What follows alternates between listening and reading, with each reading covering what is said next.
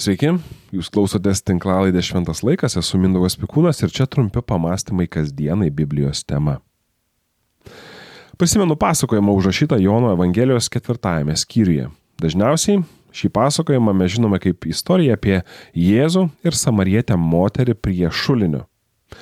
Pasakojama, jog dienos įkarštėje Jėzus sutinka vienišą moterį. Tai, kad jie ateina pasisemti vandens viena, galimai reiškia, kad ji neturėjo draugių. O tai, kad ji jau turėjo penkis vyrus, galėjo reikšti, kad vyrai priešingai norėjo būti jos draugu. Šios samarietės gyvenimas tikrai galėjo priminti vieną iš muilo operų, kurioje lipnus santykių voratinkliai buvo ją tvirtai apraizgę, o painus įvykių labirintai suklaidinę šią protingą moterį. Apašlas Jonas rašo, kad kartą Jėzus užsuko į Samarijos miestą vadinamą Sicharu netoli nuo lauko, kurį Jokūbas buvo davęs savo sūnui Juozapui. Tenai buvo Jokūbo šulinys. Nuvargęs iš kelionės Jėzus prisėdo palį šulinį. Buvo apie šeštą valandą. Viena samarietė moteris atėjo semtis vandens. Jono Evangelija ketvirtas skyrius, penkta, septinta eilutės. Iš pradžių viskas vyko tyloje. Jėzus ilsisi šalia šulinio. Moteris, samarietė, tyliai semėsi vandens mintise greičiausiai svarstydama apie netoliese sėdintį vyrą. Tada Jėzus prabyla su prašymu - duok man vandens gerti. Samarietė atsakė, kaipgi tu, būdamas žydas, prašai mane, samarietę, gerti. Jono Evangelija, ketvirtas skyrius, 70 eilutės. Moteris puikiai žinojo tuometinės tradicijas. Pirmiausia, ji buvo moteris, Žydų religiniai mokytojai rašė, nekalbėkite gatvėje su moterimi, net jei ji yra tavo žmona, ypatingai su savo artimo žmona, kad išvengtumėte apkalbų. Patarimas gal ir neblogas. Gal. Tačiau nereikia būti ypatingai išvalgiu suprasti, kad šis nurodymas labai lengvai galėjo tapti lygoto santykio tarp vyro ir moters priežastimi. Na, o kultūroje, kur, pavyzdžiui, moters liūdėjimas nebūtų priimtas teisme kaip patikimas, galima nujausti, kaip tokie patarimai apibrėžė ne mandagius santykius tarp vyro ir moters, o greičiau vyro išskirtinumą bei pranašumą.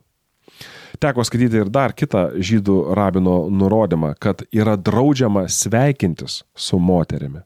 Suprantu, kad e, reikia saugotis atsitiktinių santykių su priešinga ly, ly, e, lytimi, kurie gali nuvesti į nuodėmę, tačiau visiškai su moterimi nekalbėti. Arba net drausti sveikintis, to jau kiek per daug. Manau. Taigi, moteris samarietė gerai žinojo tokias, na, žydų vyrų etiketo taisyklės. Juolab ji dar buvo ir samarietė. Puikiai yra žinoma, prieš, žinomas tas priešiškumas tarp žydų ir samariečių. Samariečiai buvo žydai, kurie dar Asirijos imperijos valdymo laikais susimaišė su pagonėmis ir taip tapo amžinų papiktinimų tyrumą vertinantiems tikriems žydams. Žydai turėjo netgi tokį posakį - geras samarietis yra miręs samarietis. Jau tiek turėjo pakakti, kad Jėzus nekalbėtų su moterimi arba apsimestų jos nematas ir toliau rūpintųsi savo reikalais, lyg ji, ši moteris, samarietė, neegzistuotų. Šie dalykai buvo akivaizdus ir ta, na, moteris, buvo, ji buvo samarietė, tačiau buvo dar ir kai kas, kas tikrai būtų garantavę, jog Jėzui nedėra su šia moterimi kalbėti. Tai šios moters gyvenimas, lyg muilo operoje. Ši moteris buvo nekokios reputacijos. Ji ir pati nebūtų pradėjusi pokalbio su žydu ir buvo tikra, kad niekas su ja nenorėtų kalbėti, jei jos paslaptis taptų vieša. Tačiau Jėzus, nepaisydamas visuomenės nustatytų normų, pradeda pokalbį ir paprašo moters pagalbos. Jis nori gerti, tačiau neturi jokių įrankių, kad galėtų numalšinti troškulį. Žinoma, moteris nustemba išgirdusi tokį prašymą. Į tai Jėzus atsako, Jei tu pažintum Dievo dovaną ir kas yra tas, kuris tave prašo, duok man vandens, rasi pati būtum jį prašusi ir jis tau būtų gyvojo vandens davęs. Jono Evangelija, ketvirtas skyrius, dešimta eilutė. Moteris mato pavargusi žmogų, o Jėzus pavargusią moters širdį. Moteris mato Jėzaus sudžiūvusias ir ištroškusias lūpas, o Jėzus jos išdžiūvusi ir ištroškusi gyvenimą. Jėzaus prašymas buvo toks netikėtas, kad moteris greitai pastebėjo jo netitikimą su realiu gyvenimu. Moteris atsakė, viešpatė, bet juk tu neturi kuo pasemti, o šulinys gilus, iš kur tu imsi to gyvojo vandens?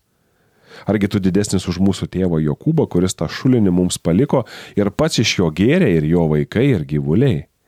Jono Evangelija, ketvirtas skyrius, pirma, atsiprašau, ketvirtas skyrius, 11-12 eilutės. Jėzus atrodo kantriai laukia, kol moteris išsikalbės ir baigs jį kamantinėti. Tada jisai vėl grįžta prie minties, kurią baigė. Kiekvienas, kas geria šitą vandenį ir vėl trokš, kalbėjo Jėzus. O kas gers vandens, kurį aš duosiu, tas nebetrokš per amžius ir vanduo, kurį jam duosiu, taps jame versme vandens trykštančio į amžinai gyvenimą. Jono Evangelija, ketvirtas skyrius, 13-14 eilutės.